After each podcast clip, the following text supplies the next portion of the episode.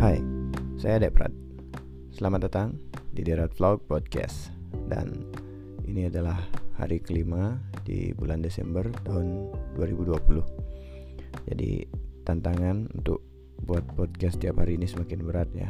Di mana temanya semakin jauh dari niche yang mau saya buat Tapi ya dicoba saja gimana hasilnya Tema untuk hari ini adalah keinginan.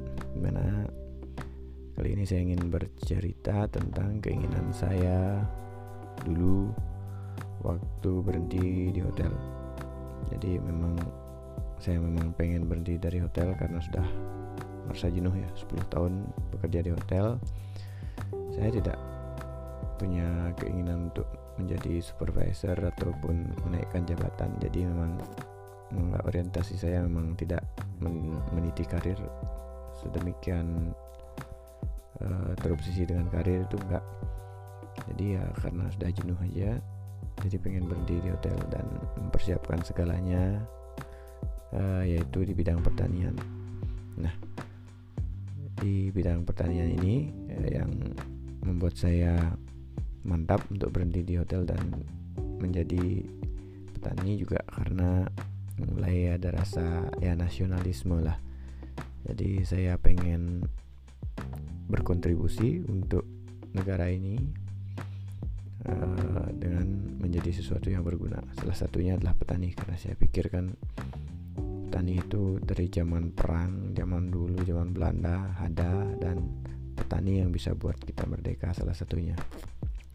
Karena ya semua orang butuh makan dan tanpa makanan tak akan ada yang bisa bertahan. Begitupun sekarang, tapi karena sekarang semua terlalu money oriented lah, segala sesuatunya diukur dengan uang, jadi kerja keras petani itu tidak ada yang menghargai dan saya juga mengkhawatirkan di kemudian hari Bali tidak punya petani lagi. Jadi melakukan sesuatu untuk mengikuti rasa nasionalisme saya. Itu juga salah satu hal yang menjadi alasan saya walaupun kesannya aneh dan gak masuk akal tapi itu salah satu hal yang membuat saya bertekad lebih kuat untuk menjadi petani. Ya seperti yang saya ceritakan sebelumnya saya gagal ternyata susah dan memang tidak bisa bertahan. Perhatian dari pemerintah pun sangat minim dan nah, mungkin karena petaninya asli tidak ada di, di di pemerintahan ya. Jadi orang yang duduk di pemerintahan itu orang kantoran yang hanya tahu teori saja tentang pertanian. Mereka tidak tahu kenyataan di lapangan seperti apa. Makanya perhatian ke petani itu hanya sekedar retorika saja. Yang diekspos pun hanya yang sukses-sukses saja yang besar-besar. Jadi kami yang kecil-kecil ini benar-benar tidak diperhatikan Padahal yang sukses itu mereka sukses bukan karena bertani, tidak. Mereka semua sukses karena mereka berjualan. Jadi beda sekali. Mereka sukses karena mindsetnya pengusaha bukan mindset petani. Dan itu yang tidak disadari oleh eh, orang-orang uh, di pemerintahan dan kita juga saya juga merasakan lebih gampang nyari uang daripada jadi petani harus mengurus berhadapan dengan alam penyakit dan permasalahan pemasaran dan lain-lain. Banyak sekali kendalanya. Lebih gampang ya ke kota aja cari kerja dapat uang bisa makan. Padahal makanan itu juga datangnya dari petani cuman mindset kita sudah tertutup oleh uang ya. Jadi itu juga yang menjadi titik balik yang membuat saya sangat kuat berkeinginan untuk menjadi petani dan menjumpai kegagalan seperti hari ini walaupun saya masih ingin menjadi petani karena saya merasa ada kemuliaan dan kepuasan tersendiri jika berhasil. Tapi ya kita harus realistis juga. Semua itu ternyata butuh modal dan modalnya uang. Jadi saat ini saya berhenti dulu berpikir agar bisa mencari modal lagi untuk memodali usaha saya dalam bertani. Karena kegagalan di pertanian itu benar-benar tidak menghasilkan apa-apa kalau tidak ada modal menjadi petani kemudian bangkrut ya matilah seperti yang sudah saya alami. Saya tidak bisa makan karena kurang pengalaman dan tidak menemukan solusi. Inilah perjalanan hidup saya yang berusaha untuk menjadi petani. Tetap berjuang ya walaupun tidak tahu sampai kapan ya ya setidaknya saya sudah mencoba yang terbaik dan saya tidak menyesali apa pun hasilnya.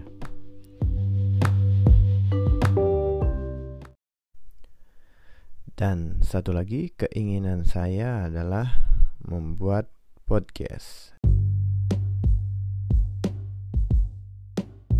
Nah, pada awalnya saya dulu tuh sebenarnya pengen buat channel YouTube ya, tapi nyari-nyari tutorial di YouTube ternyata ya lumayan susah juga. Jadilah akhirnya saya nemu beberapa channel dan karena sambil ngurus anak dan kerja di ladang masih ngurus asparagus, saya mulailah download uh, video-video dulu di YouTube itu berupa suara aja, jadi berupa MP3 dan saya dengarkan di MP3 player di HP dan lama kelamaan jadi uh, pengen juga masa sih nggak ada yang upload berupa audio yang seperti ini jadi saya cari-carilah. Dan ketemulah yang namanya podcast. Dan di podcast itu saya cari-cari dan ternyata tidak ketemu.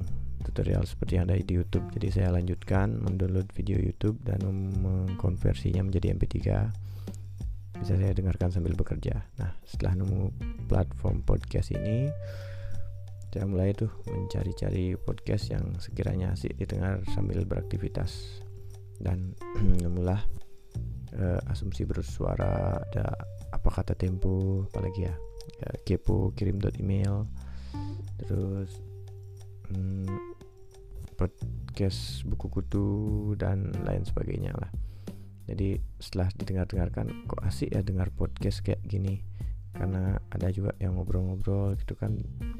Nah setelah itu saya berkeinginan untuk membuat podcast saya sendiri. Ya ngobrol sendiri direkam dan dipublish kayaknya enak daripada di YouTube kan. Kalau di YouTube eh, produksinya agak mahal dan butuh banyak waktu. Lebih susah lah kalau cuma suara aja.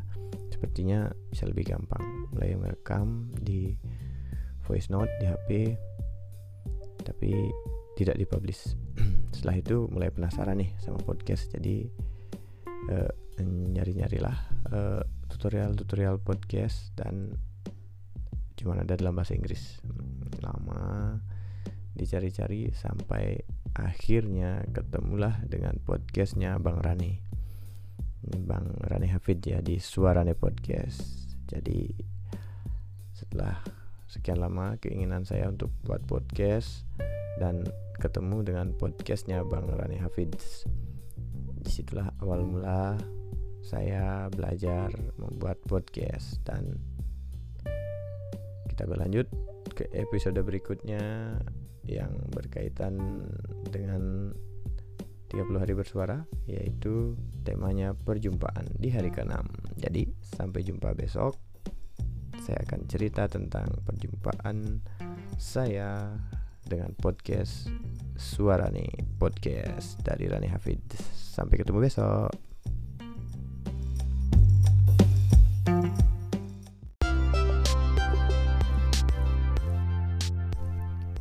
Teman-teman ingin membuat podcast seperti ini?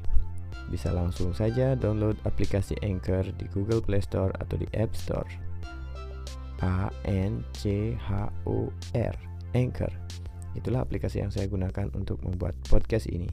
Di sana disediakan tools untuk merekam, mengedit suara, menambahkan musik, uh, intro dan outro, dan mempublish podcast teman-teman ke Google Podcast, Spotify, dan berbagai platform podcast lainnya. Jadi, tunggu apa lagi? Segera download Anchor dan buat podcast pertama kalian.